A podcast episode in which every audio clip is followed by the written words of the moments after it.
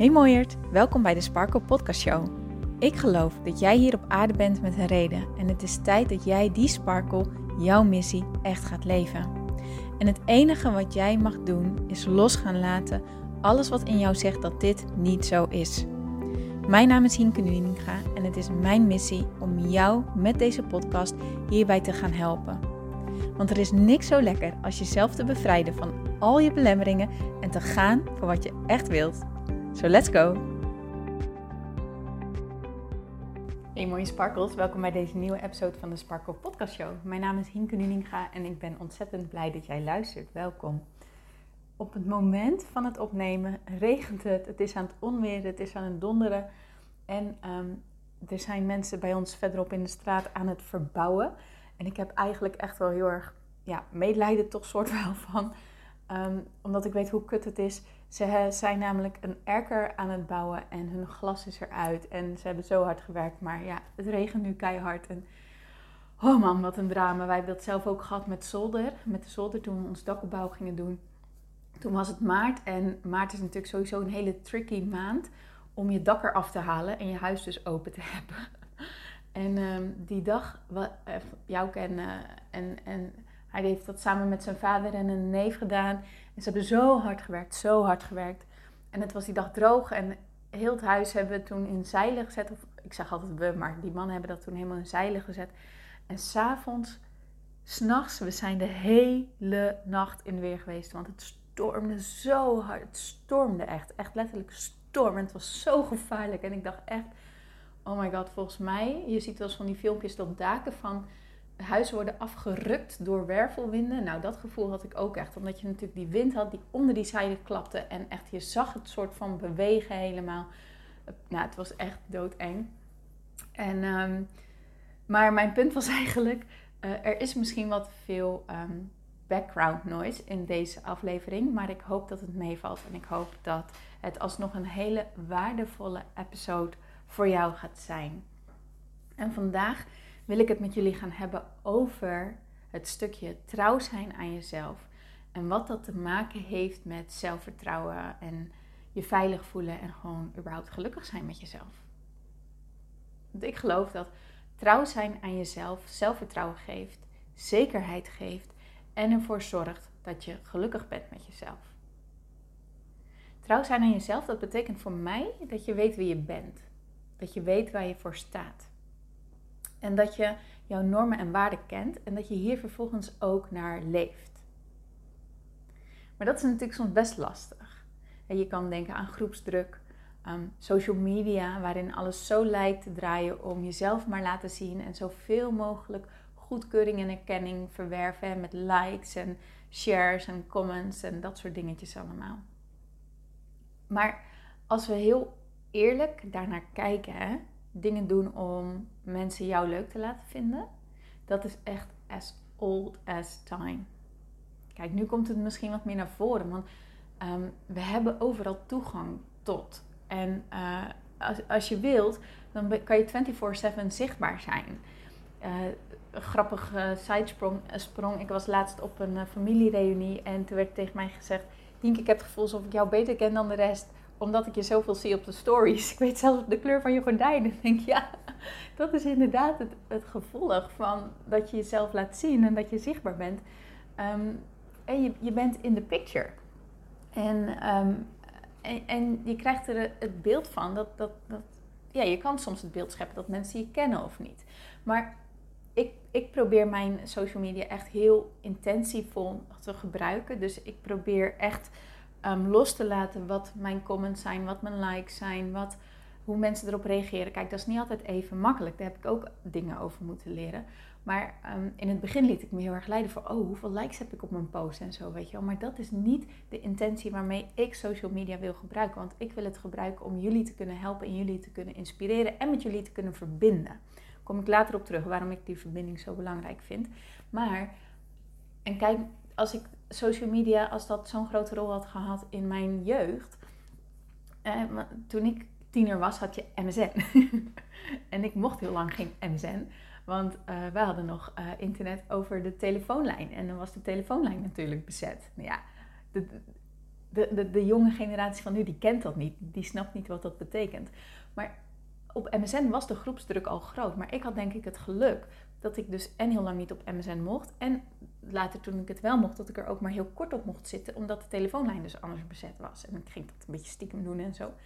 Maar ik denk dat als ik in de dag van nu tiener was geweest, dat ik het fucking zwaar had gehad. Ik had het namelijk al zwaar. Ik was namelijk heel erg onzeker. En ik was heel erg bezig met wat kan ik doen om erbij te horen. En, wat kan ik maar doen om eigenlijk geaccepteerd te worden.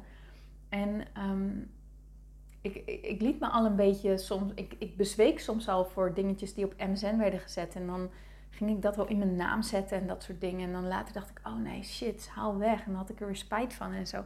Ik, kan me, ik, ik wil eigenlijk, ja, wat zal dat gedaan hebben als ik dus inderdaad opgegroeid was met Instagram en TikTok en Facebook. Nou, Facebook is natuurlijk niet meer zo groot voor, maar Instagram, TikTok en ehm, al, al die dingen, Snapchat, alles. Ja, dat was nog veel groter geweest, zeg maar.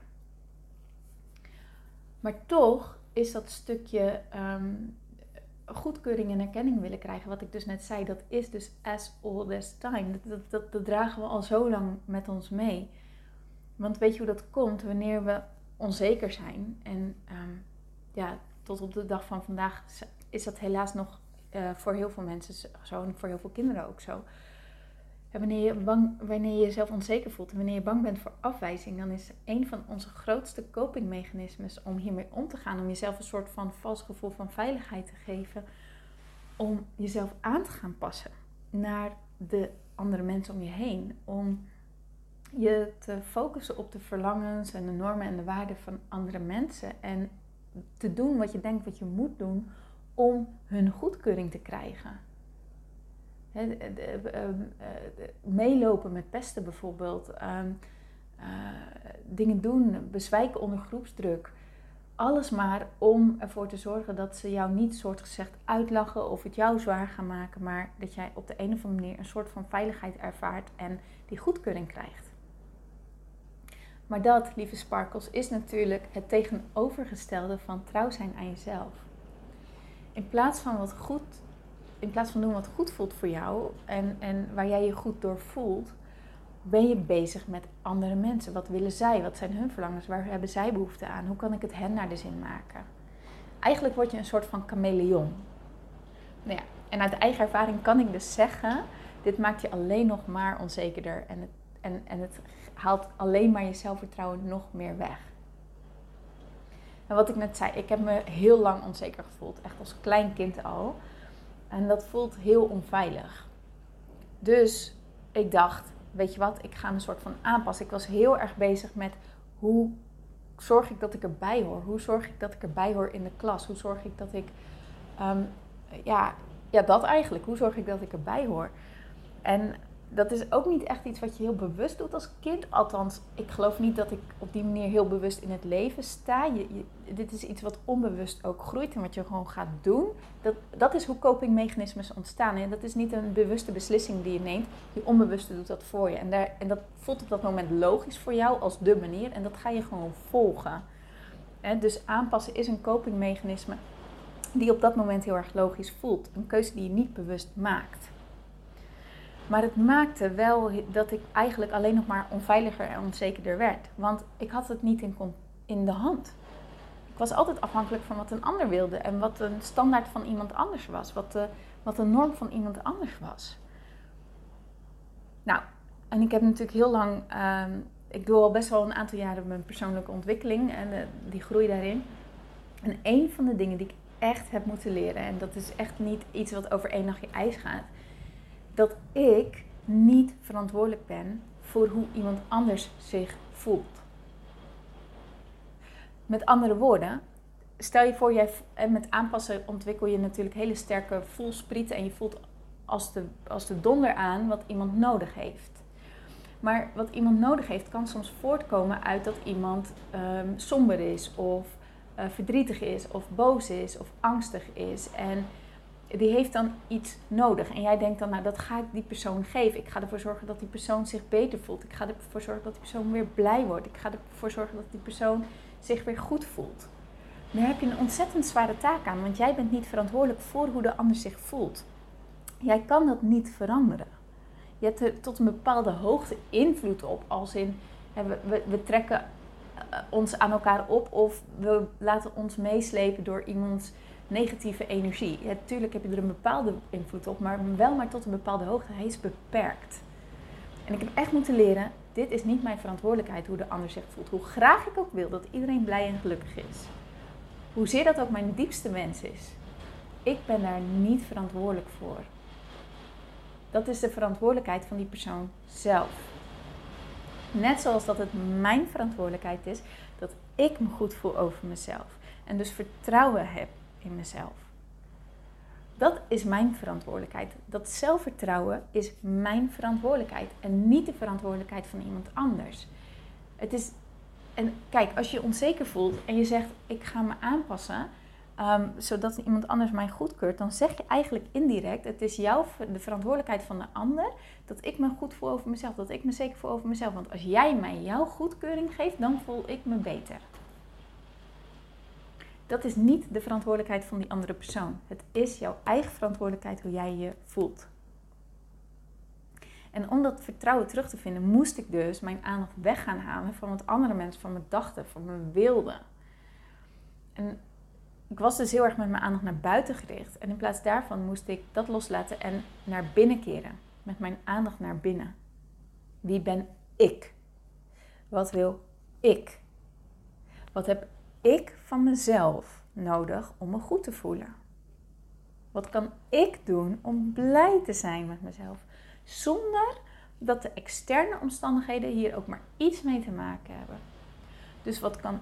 Stel je voor, ehm, eh, ehm, er is een feestje en je bent uitgenodigd voor dat feestje, maar eigenlijk uh, ben je veel te moe en heb je geen energie en heb je geen kracht en voel je, nee, ik heb behoefte om een avondje voor mezelf te hebben.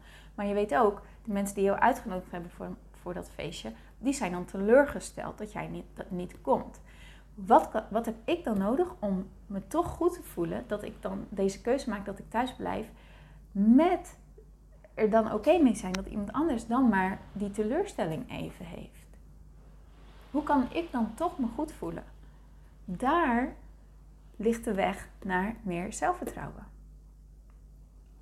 En een van de dingen die mij dus hier enorm mee geholpen heeft, is weten wat mijn kernwaarden zijn.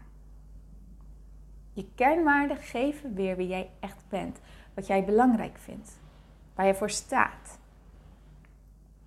En ik vind het een hele interessante vraag om na te denken over: zijn jouw kernwaarden altijd hetzelfde of kunnen die ook veranderen?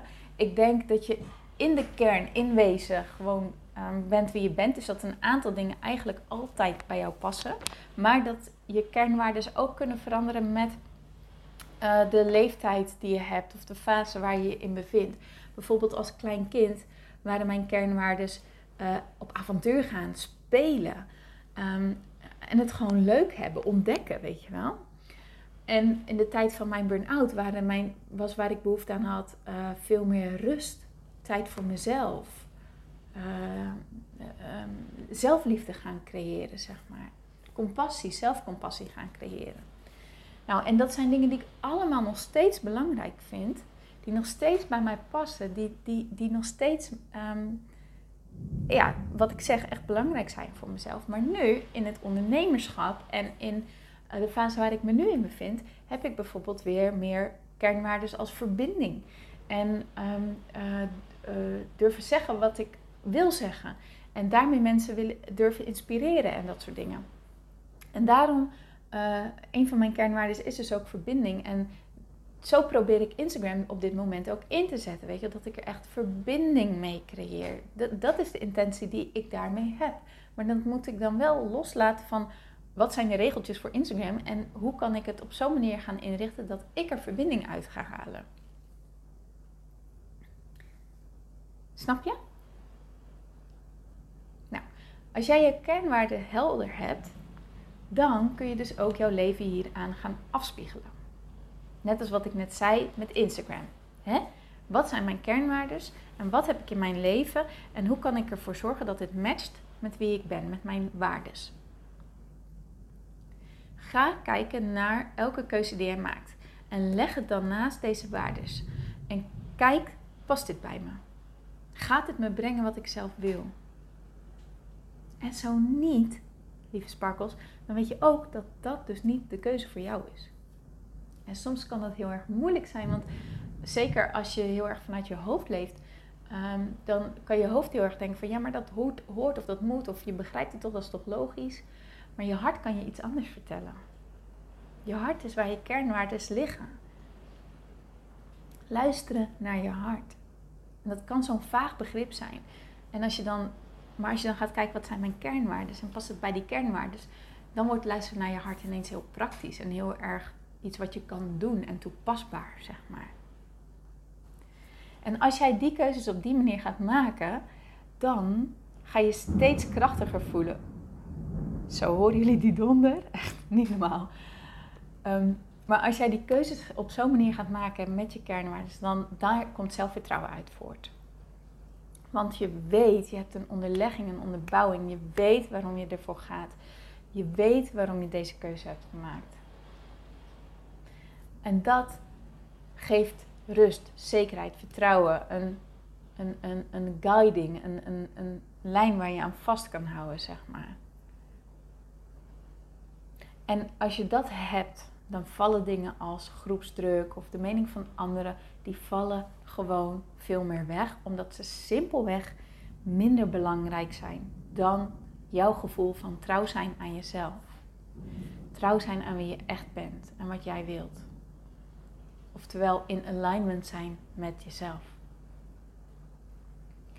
En ik geloof er dus in dat hoe bewuster iedereen gaat worden van zijn of haar kernwaarden en hier ook naar gaat leven, in plaats van naar de goedkeuring en erkenning van anderen, er een wereld zal gaan ontstaan waarin mensen meer rust hebben en zichzelf accepteren.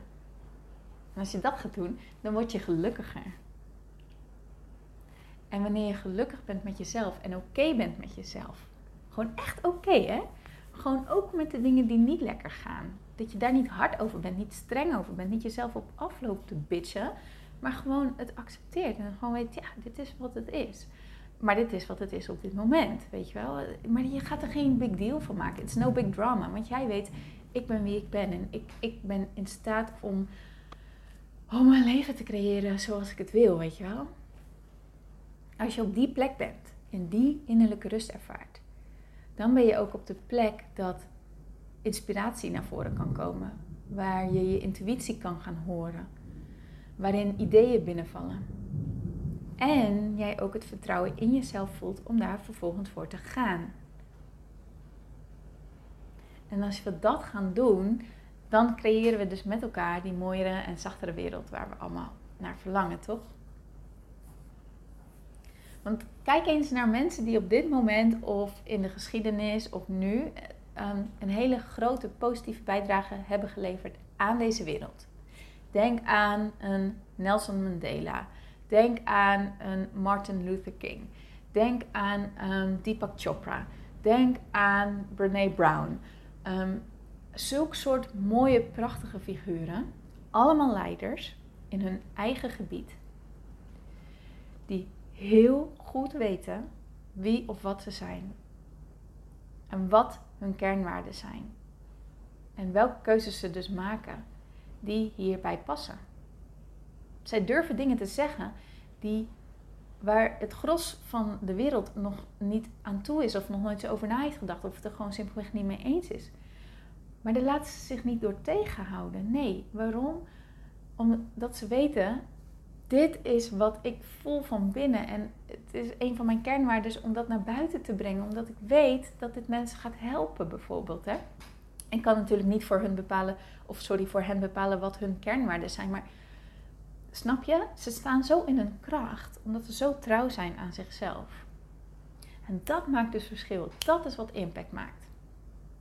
En zo ontstaat die mooiere, zachtere versie van de wereld die we willen.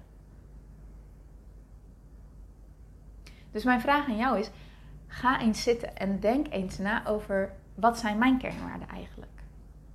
Hoe, stel je voor, hè?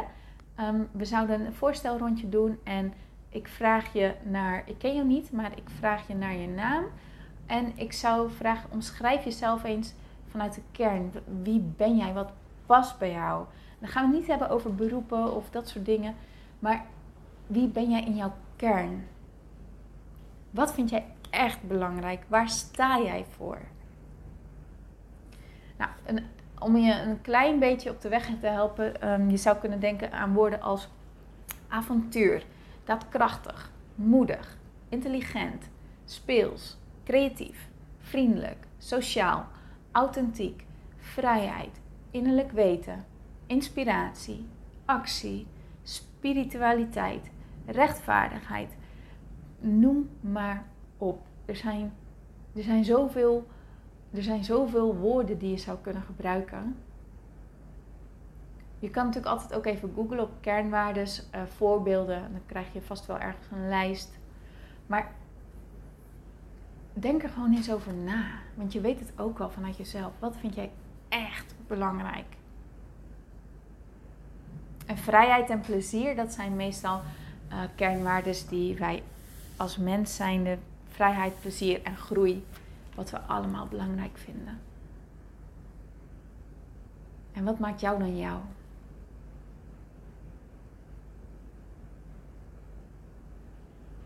En voel heel goed, hè? klopt dit? Klopt dit? En het kan best wel eens zijn dat je er nu achter komt dat je denkt: oké, dit is wie ik in mijn kern ben, maar ik voel ook dat ik dat op dit moment niet leef. En dat is oké. Dat kan heel confronterend zijn, maar het is wel oké, want dan weet jij nu wat jij kan gaan doen, waar je je op mag gaan richten. En durf jouw keuzes hier ook aan af te gaan spiegelen. Als je voor een keuze staat, leg dan ook jezelf de vraag: is het een match met wie ik echt ben? Of doe je het omdat je denkt dat het zo hoort? En durf die keuzes te gaan maken die bij jou passen. Niet altijd makkelijk, dat is echt niet wat ik zeg, maar het is het wel waard. Durf echt in de kern te gaan zijn wie jij bent en durf dat te gaan doen, daarvoor te gaan staan. Daar echt je leven naar te gaan leven. En in het begin zullen mensen je misschien aankijken en zeggen: waarom doe je dit? En later zullen ze naar je kijken en denken: wauw, hoe tof dat zij altijd trouw is gebleven aan zichzelf. Hoe heb je dat gedaan? Hoe doe jij dit? Hoe mooi gaat dat zijn? Oké?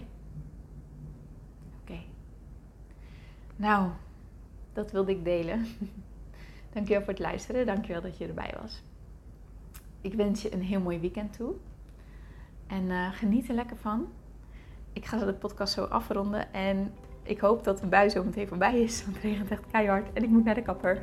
Nee, ik mag naar de kapper. Zo moet ik het zeggen. Ik mag naar de kapper. En, uh, maar ik heb het idee dat een paraplu op dit moment weinig zin heeft. Dat hij uit mijn hand gedrukt gaat worden. Maar nee, we shall see. Ik heb nog een half uurtje. Oké. Ik ga hem afronden. Mooi heb een hele mooie dag weer. En ik spreek je maandag. Tot dan.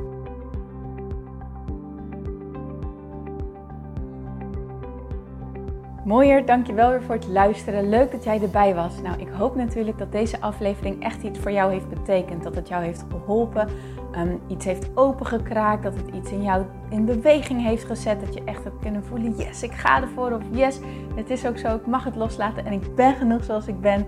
Ik hoop echt dat dit dat voor jou gedaan heeft. Ik hoop ook met deze podcast een ripple effect te gaan creëren voor iedereen die meer zelfliefde en innerlijke rust kan gebruiken. Wil je me daarbij helpen alsjeblieft? Dat kan je op de volgende manieren doen. Je kan me sowieso taggen in je Insta-stories. Maak een screenshot van deze podcast, van deze aflevering. Tag mij in je Insta-stories en vertel ook wat deze podcast met jou heeft gedaan. Wat ook heel erg fijn is, is wanneer je naar iTunes gaat en daar een positieve review voor mij achterlaat. Geef even 5 sterren, abonneer je op mijn podcast en vertel met anderen waarom je deze podcast aan anderen aanraadt. Zo kunnen steeds meer mensen deze podcast vinden en kan deze ripple van zelfliefde en innerlijke rust echt ja, gecreëerd worden. Dus dankjewel voor je hulp, dankjewel weer voor het luisteren en ik spreek je heel graag de volgende keer weer. Tot dan!